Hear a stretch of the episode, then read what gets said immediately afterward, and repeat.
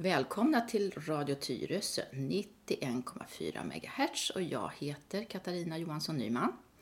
Och det här är ju ett program i serien Tyresö växer där vi oftast blickar framåt eller tittar på dagens stadsbyggnadsfrågor. Men idag så ska vi titta på lite äldre arkitektur och design och idag så är vi i en väldigt kulturhistorisk intressant miljö. Och vi är hemma hos en person som bor i Östra Tyresö. Gun Jakobsson. Vad roligt att få komma hem till dig. Mm, vad kul. Mm. Ja, och du Gun, du bor ju i ett alldeles speciellt hus. Väldigt vackert och i en väldigt speciell miljö. Eh, och det här är ju också speciellt på ett annat sätt, nämligen utifrån att det har bott en person här som är väldigt känd. Vem då? Eh, Estrid Eriksson som eh, startade firman Svenskt Tenn och som eh, hade det här huset som sommarhus. Och det här huset har ju också ett namn. Tolvekarna. Mm. Och då kan man ju nästan förstå utifrån det namnet hur, lite grann hur tomten ser ut här, eller hur? Ja, det, huset ligger på en höjd kan man säga med, med utsikt mot Kallfjärden. Och backen upp är fylld av eh, gamla ekar. Eh, huset heter Tolvekarna men det är mångdubbelt fler ekar här. Och det måste det varit även på Estrids tid. Jag tror att eh, hon döpte huset till Tolvekarna helt enkelt för att det låter vackert. Och att tolv står för eh, helhet. Mm. Och eh, det var ju något nytt då med ett sommarhem här ute. Det var inte bara ett sommarhem utan Estrid kom hit och hyrde från början en så kallad sportstuga. Ja, det är en lång historia tillbaka men Estrid eh, eh, hyrde eh, en sportstuga här från början 1936. Eh, Jag tänkte, ska vi börja och berätta lite grann, vem var Estrid? Vad, ja, vad hade ja, hon för bakgrund? Var, ja. Vart kom hon ifrån? För hon är ju inte härifrån Tyresö. Nej, det är hon inte. Nej, Estrid kom, eller hennes bakgrund är att hon är född i Jo. Eh, hennes eh, föräldrar drev två hotell i Jo. Så att tidigt så fick hon eh, lära sig att duka bord och eh, hålla på med blommor, blomsterarrangemang. Och eh, var väldigt, eh, hade en väldigt egen känsla för hur det skulle se ut. Det, var, kanske... där, det var där hennes känsla grundades då kanske för det här med design och, och Det är mycket möjligt. Det är mycket möjligt. Och kanske var hon också besvärlig i den miljön för att eh, på den tiden i slutet av 1800-talet så var det populärt med tjocka sammetsgardiner och eh, konstfulla servett eh, dukningar, alltså med mm. servetter. Det gillade hon inte. Hon Nej. ville ha enkla mm. dukningar. Hon var funktionella. Lite, lite före sin tid. Hon var lite före sin tid och hon hade en väldigt eh, bestämd uppfattning. Vilket år föddes Estrid? Eh, 1894. Mm. Och eh, hon eh, fick börja på Tekniska skolan som det hette eh, uppe i Stockholm. Där man utbildade konstnärer och eh, det är egentligen före detta konstfack. Man utbildade eh, teckningslärare och där gick hon. Mm. Hon bodde i Stockholm då, inneboende hos Bo Bergman som eh, var författaren, författaren poeten. Mm. Och, efter att hon hade gått Tekniska skolan så började hon arbeta som på Svensk hemslöjd bland annat. Utifrån detta så fick hon bekantskap med en um, formgivare som hette um, Fogstedt. Och han intresserade henne för tennet. Och 1924 så startade hon, utan egentligen någon förmögenhet alls, eh, en firma som heter Svenskt Tenn. Då var hon ju inte så gammal. Alltså, då var hon, vad sa du, 90? Eh, Estrid var 30 år när hon startade Svenskt Tenn. Och då låg eh, företaget på Smålandsgatan. Det är ju ganska fantastiskt att, att så ung alltså, mm. våga satsa på det här. Ja. Och eh, hon hade fått, eh, hennes pappa hade dött så hon hade fått ett litet arv. Mm. Men eh, hon skriver själv att hon, eh, Hon startade för, företaget väldigt världsfrämmande men hon visste vad hon ville. Och eh, hon tillsammans med Fostedt, de lyckades eh, komma med på utställningen, världsutställningen som det kallades på den tiden, i Paris.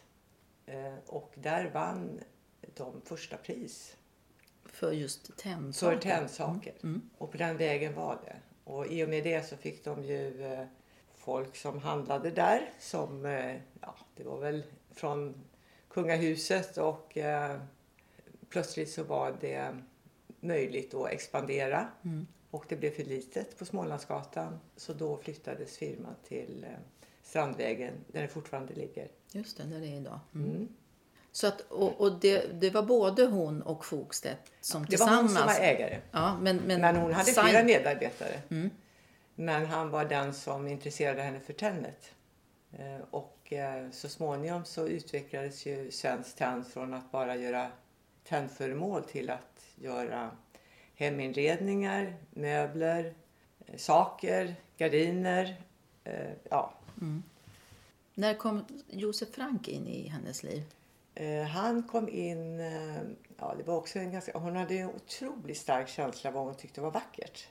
Och eh, hon var hemma hos sin väninna Ragnhild Lundberg ute i Djursholms föräldrahem.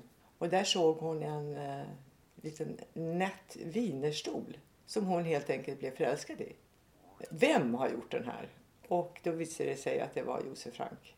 Och han var ju just från Österrike. Och han var från Österrike och han var eh, konstprofessor och eh, ledande på den tiden inom arkitekturen. Byggde mycket i Wien. Och eh, och så hade han en firma eh, tillsammans med en, en annan arkitekt där de sålde eh, heminredning.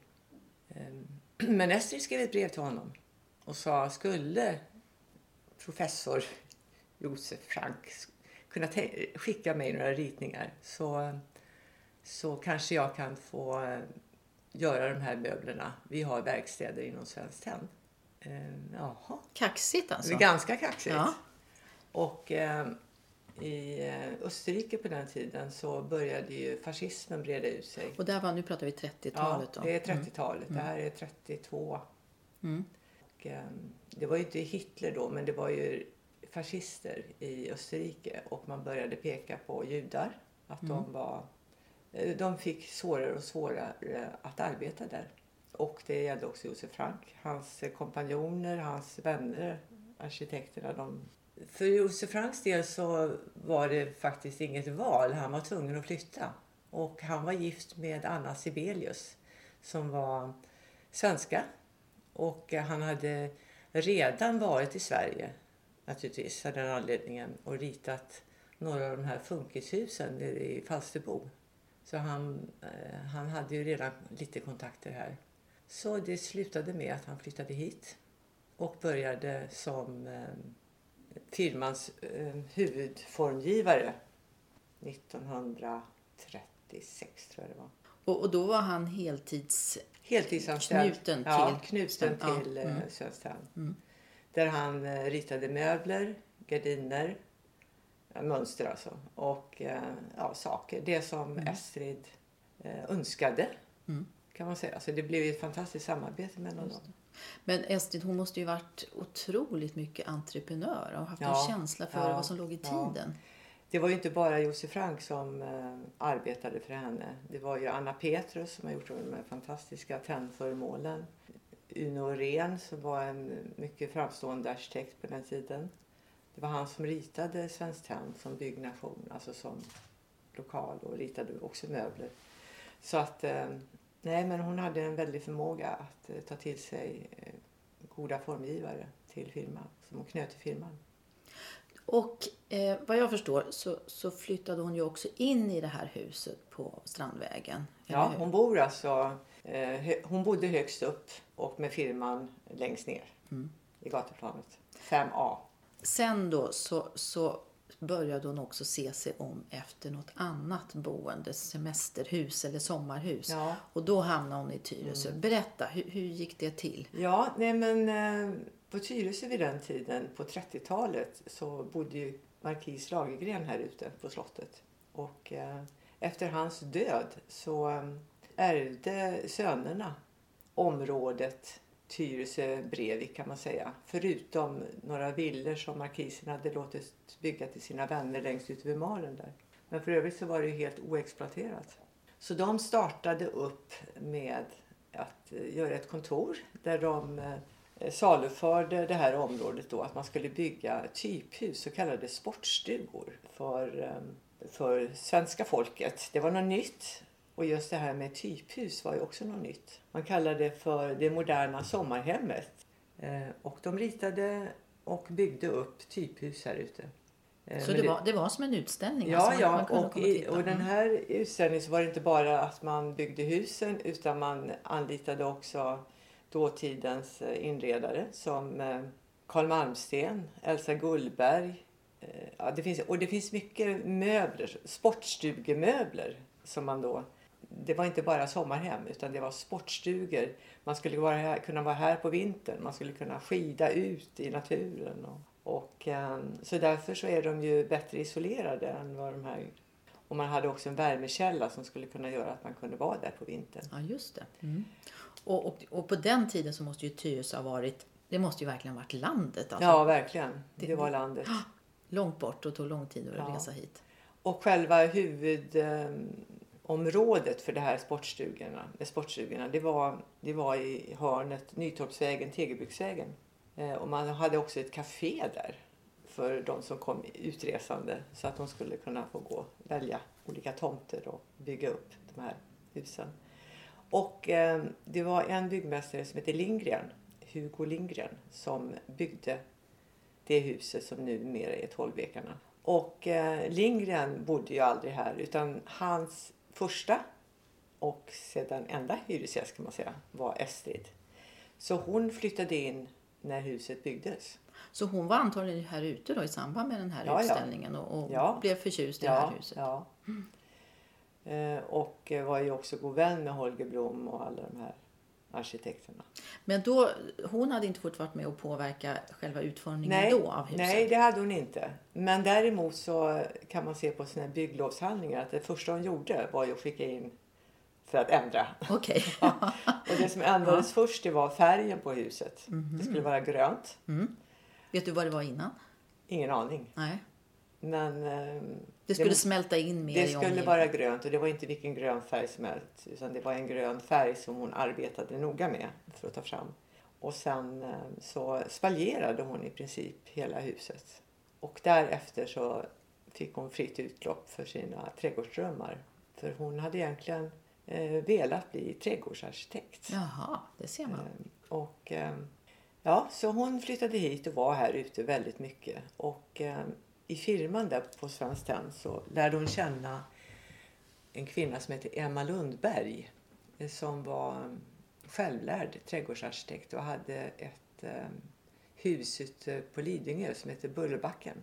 Och hon hade skrivit två böcker som handlade om trädgårdar som Estrid säkerligen hade läst. Hon eh, läste nämligen allt om trädgårdar och om fröer och det finns massor med frökataloger kvar här ute på Tolvvekarna från hennes tid. Och Emma Lundberg kommer att bli väldigt viktig för trädgårdens utformning. Eh, det är hon som är inspiratören till hur Tolvvekarna trädgård blir till och också formgivningen. Därför att eh, Emma Lundberg då, som var äldre än Estrid, hon hade en son som hette Erik Lundberg som var konstprofessor i arkitektur. Och han, eh, och han tillsammans med sin mamma hade gjort många sådana här planeringar av trädgårdar eh, runt om i Sverige vid den tiden. Och jag tänkte att vi ska göra ett nytt program som just handlar bara om den här fantastiska tomten och trädgården. Så då får du anledning att berätta ja, mer om ja, det. Precis. Men då, då, när Estrid kom hit då, då blev det här hennes liksom bas på sommaren? Och, och... Det var bas på sommaren och bas på vintern. Alltså det var ju ett hus man kunde åka ut till. Mm. Hon var här mycket? Hon var här mycket. Eh, jag har ju hennes notisanteckningar från 1941 till 50 eller 60 kanske det är. Eh, där man ser hur ofta hon var här. Eh, så det kan man också följa vad det var hon gjorde här ute. Men det står i princip bara om vad som hände på Tolvvekarna, ingenting annat. Ja, och hon har, hon har noterat Ja, precis hon vad har hon, noterat. vad hon Ja, har planterat ja, ja. Och, och gäster som hon Ja. hade och när hon kom och när hon åkte och sådär. Mm. Sen eh, gick det ju väldigt bra för Estrid med firman. Hon åkte på olika världsutställningar och eh, hon var ju ogift. Vilket hennes vänner också var. Det var nästan en förutsättning på den tiden. Inga barn. Eh, att bli framgångsrik. Mm. Man kunde satsa helt och hållet på jobbet. eh, hon tillsammans med väninnan Ragnhild Lundberg som ägde Hotell Plaza inne i stan. De, eh, hon var ofta med på de här världsutställningarna. 1939 så åkte Estrid till eh, New York för att vara med på världsutställningen och hamnade på Gripsholms båt. Eh, och eh, eh, på den tiden så när man var lite, ja då, åkte man, då reste man VIP-klass som det heter, vilket innebar att man satt vid kaptenens bord och åt middag. Första klass alltså. Första klass. Och eh, just den här resan så stormade havet. Oj. Mm. Och Ragnhild hade ett eget recept på hur man klarar sig undan sjösjuka. Man tar en champagne i baren. Men det tyckte inte Estrid. Utan hon skulle gå och lägga sig. Och eh, senare på kvällen när eh, Ragnhilds ruta hade gått sönder i hennes hytt. Så blåste det alltså. Så gick hon till Estrid. Och då var det kaptenen som öppnade dörren. och hade lugnat Estrid och vågorna. Och den där resan var väldigt betydelsefull för tolvvekarnas utformning. För efter det, när hon kom hem, så bestämde hon sig för att eh, bygga om huset. Det skulle bli en kärleksförklaring till kapten Sigfrid Eriksson Som hon träffade då. som hon träffade. Ja, mm. Och då var hon också lite äldre. Hon var ju, Hon var ju 40. 50 år. Ja, 50. Ja. Mm. Ah, fantastiskt. Och han ja. var också det. Han var lite äldre. Och han hade heller inga barn, ingen familj. Han, hade, ja, han var ju kapten på de här Amerikabåtarna. Som var en jättestor industri på den tiden. Det blev liksom kärlek vid första ögonkastet kan man Ja, säga. det måste det ha blivit. Ja. Gifte de sig också? Ja, så småningom. Men nu er- började ett eh, stort arbete här ute. Ja. Eh, med hela huset och med hela trädgården. Allt Och, och då pratar vi vilken... Nu är vi, det här hände 39. Eh, 40 så eh, börjas, eh, börjar, anlitar hon Josef Frank till att rita om Tolvvekarna. Och eh, då eh, byggs eh, hela huset ut kan man säga. Från att vara en liten sportstuga till att bli ett hus som la sig ganska väl till rätta i, i naturen här ute. Eh, Man byggde tillsammans med Erik Lundberg, då, sonen till Emma Lundberg, eh, en stor terrass. Mm. Både på framsidan och baksidan. Och man byggde en kajuta som skulle vara en, kap- en kopia av kaptenshytten. Och den tänkte jag att vi ska gå och titta på Ja, alldeles strax. För just nu så sitter vi ju i det här fantastiskt fina vardagsrummet. Och, eh, man kan möjligtvis se det här som du säger att, att den här delen som vi sitter i är utbyggd. Ja, är det så? ja. Man kan se att det går en balk i taket så Mm. man gjorde vardagsrummet lite större då. Ja, man kallar det för dagligstugan det här. Mhm. Dagligstugan, den, eh, där skulle allt hända. Ja. Mm. Precis, för om vi ska beskriva det här fantastiskt vackra rummet. Det är ju ett stort rum. Jag vet inte hur, hur många kvadrat kan det vara? 40? Jag vet faktiskt inte. Ja, säkert. Ja, minst 40 kvadrat. Eh, och det är eh, vackert ekparkettgolv. Eh, det är väggfasta bokhyllor. Som Josef Frank har ritat Ja. till det här huset. Och spisen. Och en fantastisk stor fin öppen spis. Eh, bred och härlig. Och sen har vi då ja, panoramafönster får man väl kalla det mot Kallfjärden. Eh, och idag så gör man ju fönster som är från golv till tak. Men, men så är det ju inte här. Men det är ändå väldigt stora fönster som är fantastiska och som ger en härlig, ett härligt ljusinsläpp mot söder. Och sen är det förstås också en en dörr ut mot den här altanen som ligger utanför. Eh, och ja, ett, ett magiskt rum skulle jag säga. Eh, och här förstår jag att ni trivs. Mm. Du, Gud, när flyttade du och din familj hit? Eh, Det var 1986. Eh, Och det var så här att eh, Estrid dog. Jag tror att hon dog 1981. Och sedan så låg det här huset alltså, orört kan man säga. Eh, eftersom Estrid inte hade några barn, inte Sig, Sigfrid heller. Sig Nej. kallar hon honom, Mm. Sigfrid. Så hade Estrid bestämt att eh, allt som fanns i huset, eh, inklusive själva huset, skulle säljas och eh, bli en fond, Estrid Erikssons fonden, som de pengarna skulle sedan gå till forskning och till eh, kultur som främjade, ja, hade något gott syfte. Efter det så, eh, så sålde då Stärbhuset kan man säga, Tolvekarna till en byggmästare Lindgren igen. Eh, och eh, han, när han kom hit så hade Estrid under sin tid här utökat tomten, sportstugan, med att köpa till eh, tomterna på andra sidan Finnborgsvägen, det gamla tegelbruket. Och hon hade också en tomt som sträckte sig ner till Tegelbruksvägen, två tomter där nere. Så under den tiden som byggmästare Lindgren ägde huset så sålde han av eh, tomterna ner mot Tegelbruksvägen. Eh, så han exploaterade kan man säga. Mm. Mm. Eh, och, men han flyttade i princip aldrig in i huset. så när vi... Ja, det var ju en ren slump att jag kom hit faktiskt. Eh, vi bodde på Tyresö Brevik i ett litet sommarhus. Och jag väntade mitt fjärde barn. Och vi bodde alldeles för trångt. Vi var på bondgårdssemester nere i Småland när vi fick höra talas om huset. Och eh, vi var verkligen ute efter stor yta. Vi måste hitta ett större hus. Så vi ringde till mäklaren och sa att vi köper huset. Osett. Osett. Ja. Så, så gick det till. Ja. Vi hade ingen aning. Nej. Och eh, jag och min före detta man då, vi åkte upp. Vi lämnade barnen där nere i, i Småland och åkte upp för att skriva på pappren. Och då kom ju eftertanken, alltså vad har vi gjort? Tänk om det inte finns vatten i brunnen eller tänk om det är totalt fallfärdigt. Ja. Ja, jag kommer ihåg verkligen, när, vi tyckte också att det låg ganska långt ut, alltså sån här slingrig väg ut med Kallfjärden. Mm. Och sen när vi kom fram här då, rätt adress, så var det ett litet grönt hus som låg nere vid vägen. Eh, fallfärdigt verkligen. Jag tänkte, nej men hjälp, vad är det här? Vad är det vi har gjort? Men det visade sig vara grindstugan. Ja. Så gick det en liten slingrig väg upp mellan ekarna och där uppe låg tolvekarna.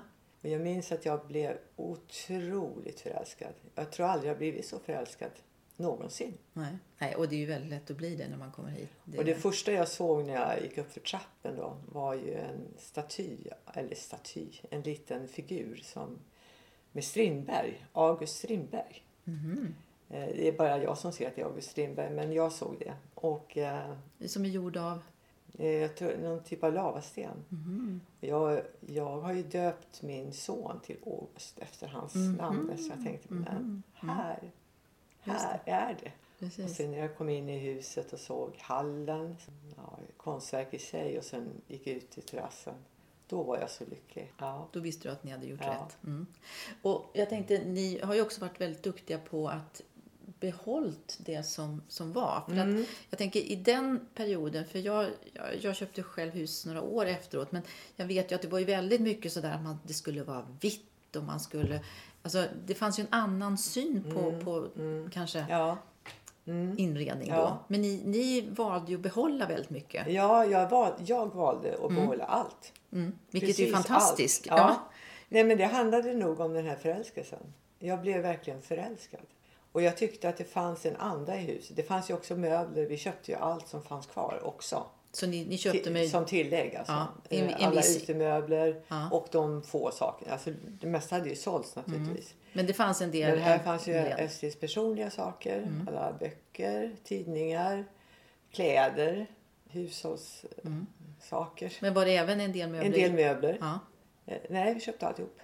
Och jag tänkte faktiskt att jag skulle förvalta det här. Det har jag verkligen gjort också. Mm. Och på den tiden, alltså idag är det ju så otroligt hypat får man väl lov att säga med, med saker som kommer från Svenskt Tenn och Josef Frank och, och så. Men på den tiden var det ju inte kanske riktigt lika Nej, känt. det var det inte. Nej. Jag visste inte vem Astrid Eriksson var. Hade ingen aning. Däremot hade jag faktiskt köpt gardiner av Josef Frank. Inte så långa, korta. Men jag hade gjort det. Så jag kände till Josef Frank. Men eh, nej, det, det var inte hypat på den tiden. Det var det verkligen Nej. inte. Har ni gjort någonting med huset sen efter att, att ni köpte huset? Har ni byggt till eller gjort om på något Ja, sätt? det enda det vi har gjort det är att vi har eh, ändrat på i källaren. Sprängt ut källaren. Så där nere. Jag har ju många barn. Vi var ju, det var ju sju barn som har växt upp här. Och det lilla huset, det här fallfärdiga gröna huset, det har rivits och byggts upp. Lilla grin, Den lilla grindstugan. grindstugan, Mm. ja. Och den eh, ritades för mina två döttrar som bodde där nere under tonårsperioden. Och så bodde vi andra här uppe i huset, så vi skulle få plats. Ja, det här rummet då, den här eh, väggen som vi tog bort. Här hade då Estrid på sin tid tapetserat med eh, Wrights illustrationer av fåglar.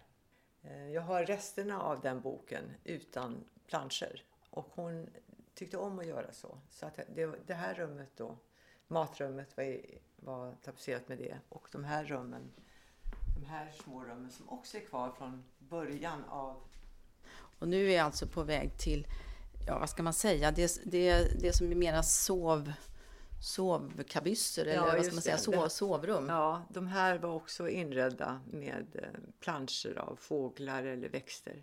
Den där sängen är faktiskt Estrids säng som hon sov i. Hon hade eh, eget sovrum och kaptenen hade eget sovrum. Just det, man hade skilda sov. Mm. Ja. Ja. Och här inne sov hon i det här rummet. Just det, nu går vi in i ett, ytterligare ett, Mm. ett rum här. Med, också med utsikt mot, mot eh, vattnet. Eh, väldigt vackert, härligt rum. Mysigt rum. Mm. Ja.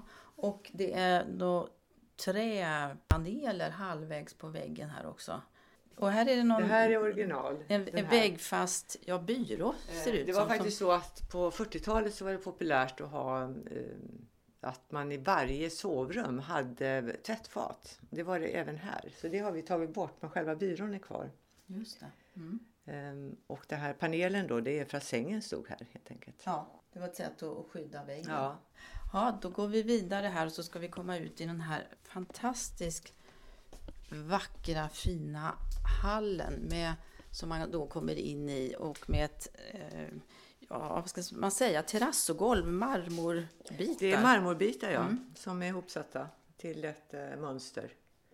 Och den här hallen, det, den är lite specifik då för Josef Frank. För han ansåg nämligen att hallen och ingången i ett hus som väldigt centralt. Så det här är själva husets piazza. Mhm. Sen skulle man alltid när man kom in kunna gå vidare. Det ska inte, man ska alltid kunna se någonting nytt. Man ska kunna gå Och man ska kunna håll. gå runt.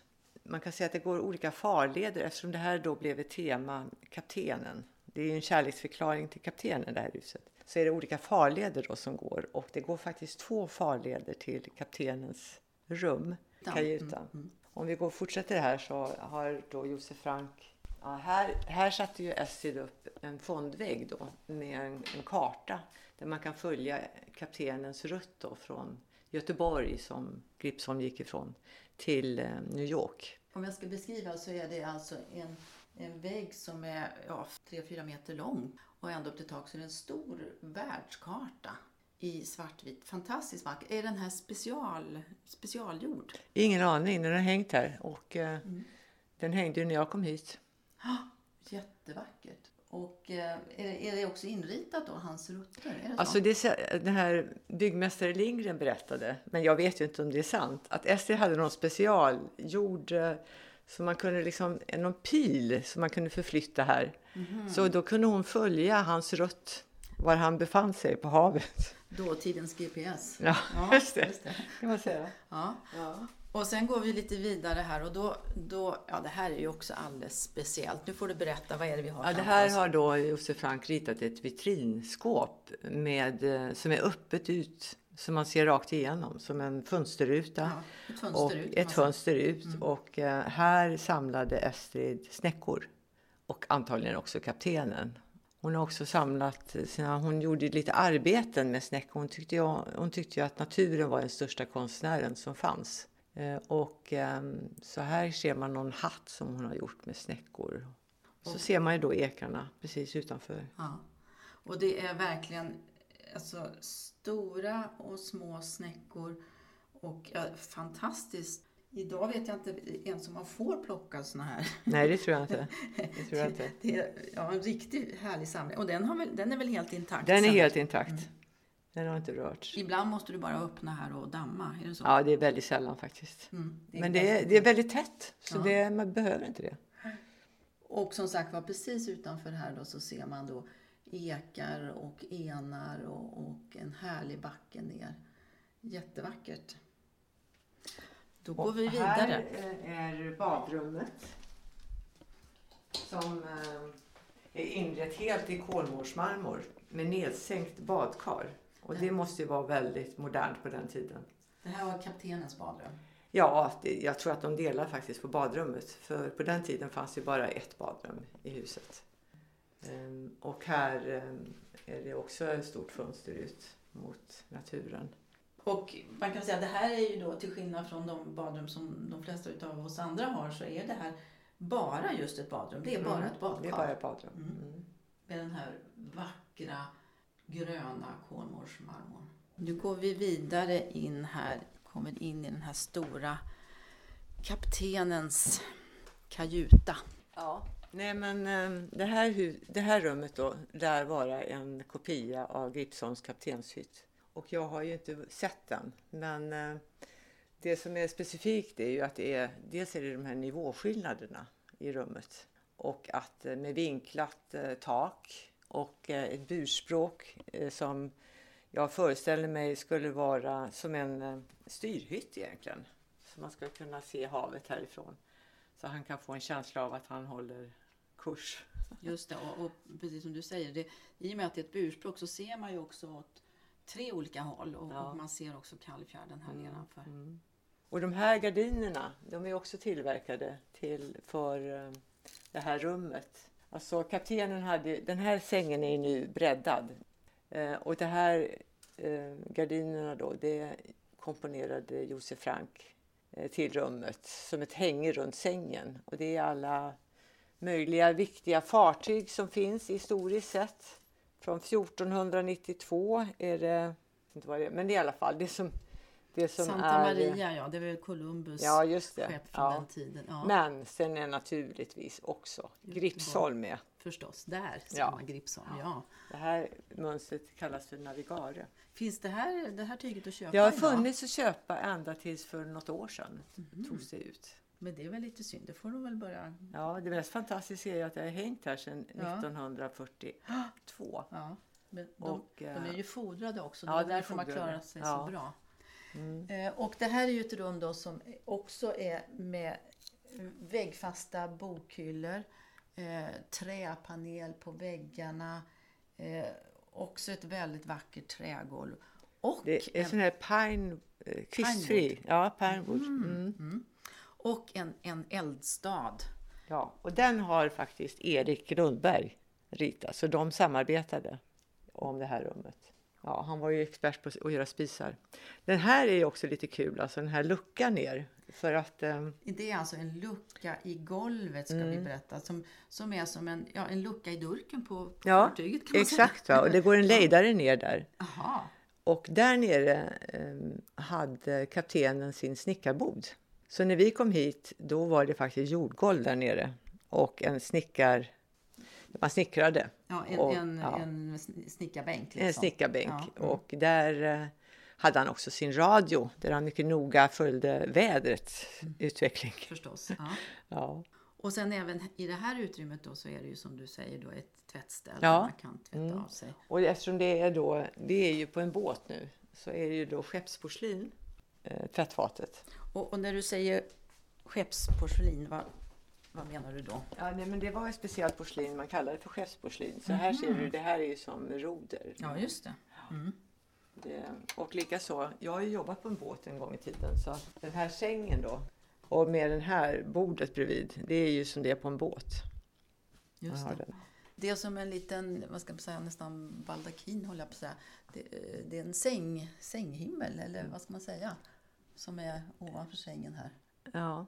Jättevackert. Ja, mycket speciellt rum. Och det här är också ett Bodde, bodde man på hotell så skulle man ju kalla det här för svit. För det här är verkligen... Ja, det är en liten soffgrupp. Och... Ja, ja, precis. Det, det, är inte som våra vanliga sovrum som de flesta av oss har. Utan det här är verkligen ett, ett ja, stort som ett större vardagsrum kan man säga. Och, och som du säger, de här också att det är de här trappstegen upp som gör också att det blir en väldig karaktär till rummet. Sen är det ju intressant, alltså det är väldigt funktionellt samtidigt. Hela den här väggen är full av garderober och linneskåp och Just det, och det, det ser man knappt Nej, när man kliver in här. För att det är liksom så snyggt gjort. Det är liksom inbyggt i uh, alltihopa i den här inredningen. Så det är väldigt finurligt uttänkt. Det var en, en viktig detalj för Essie. Hon ville ha alla garderober inbyggda. Ville mm. inte ha garderober stående. Nej, det skulle inte vara så synligt där. Sen går man runt här. Så kommer man ut i hallen igen. Som, eh, ja, som går runt som sagt mm. Och här eh, de här är ju, det är det enda det här klistrade som jag har kvar. Eller, alltså det fanns ju bara det kvar när jag kom hit. Det är de här kartorna, gamla kartor. Just Från eh, Sverige är det ju framför allt. Ja. Hur man uppfattade Sverige på 1600-talet. Ja, det är ju helt otroligt. Ja. 1642 står det här på en karta. Mm.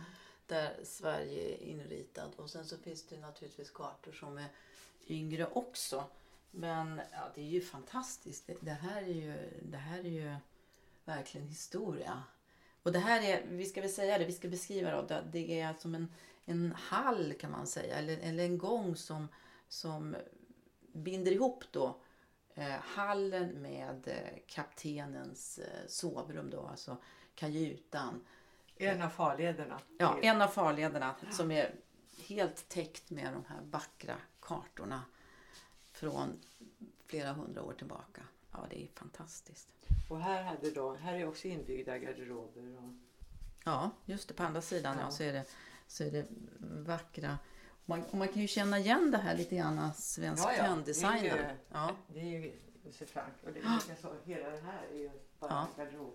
Och vi kan väl säga också i den här, nu är vi tillbaks i, i den här vackra hallen då och det går också en trappa ner då i den mm. undre mm. botten. Ja. Och den här, det här räcket som är, är ju väldigt eh, vackert också. Inte, inte så högt men väldigt liksom, det blir väldigt liksom inbjudande. Ja, det är en reling. Det var faktiskt så att när jag flyttade hit, jag hade ju många, vi hade ju många barn, små barn. Och då var varannan eh, bambupinne borta. Alltså det fanns inte. Nej. Så jag faktiskt satte dit så att det blivit det var ju livsfarligt. Ja, ja förstås. Ja. Men det är ingen som har trillat ner där. Nej, och de har inte, klätt, inte klättrat Det är fantastiskt egentligen med så många barn här och att allting har klarat av det. Jag har stått sig så väl i, genom ja, tiden. det beror ju på att det är så himla bra material från ja, början. Just det. Ja, det här är verkligen ett helt fantastiskt hus. Och eh, ja, då får jag tacka dig så mycket Gun Jakobsson för mm. den här fina promenaden som vi har haft runt här i ditt hus. Men vi kommer att komma tillbaks vid ett senare tillfälle och du ska få berätta lite mer om trädgården eh, och hela tomten. För den har ju också, som vi var inne på, en speciell historia då eftersom Estrid Eriksson ju var väldigt trädgårdsintresserad ja, också. Ja. Då så, då säger jag tack så mycket till dig. Mm, tack. Och det här är Katarina Johansson för Tyresö Radio. Tack.